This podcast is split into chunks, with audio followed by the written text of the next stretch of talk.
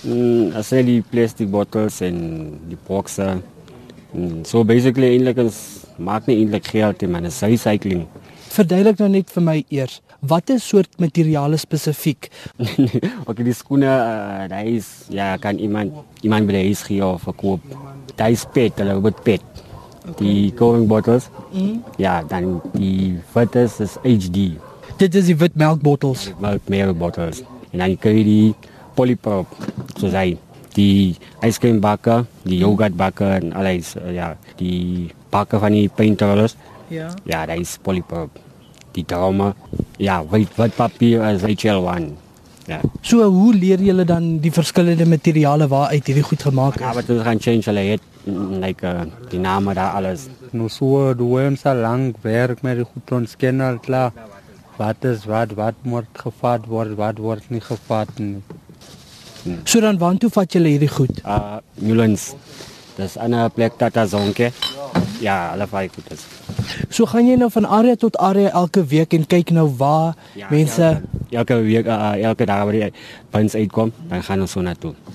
So like Monday is Newlands, Tuesdays Triumph, mm, Wednesdays Iboa en dan Thursdays hier so Vrydag is dit in Melville in Florida.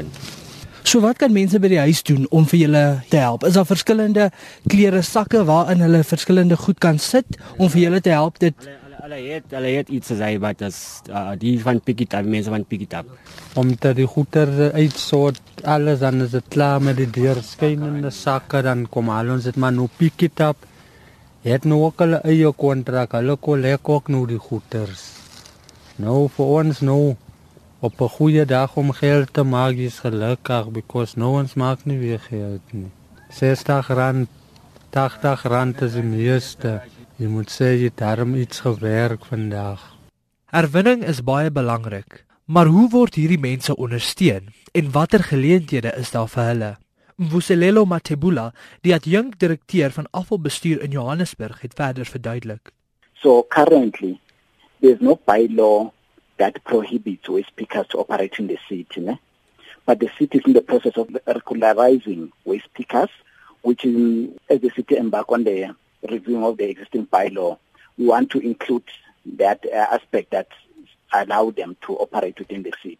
The main approach that we are following is that we want to register them so that we know how many there are. Currently, there is no need for them to be permitted, but we are looking at that in future to say they may be registered so that they can get a permit to operate. What we have agreed as a matter of principle, we as a city and pick it up, is that the, the waste pickers need to be integrated or made uh, part of the um, beneficiaries in each and every project.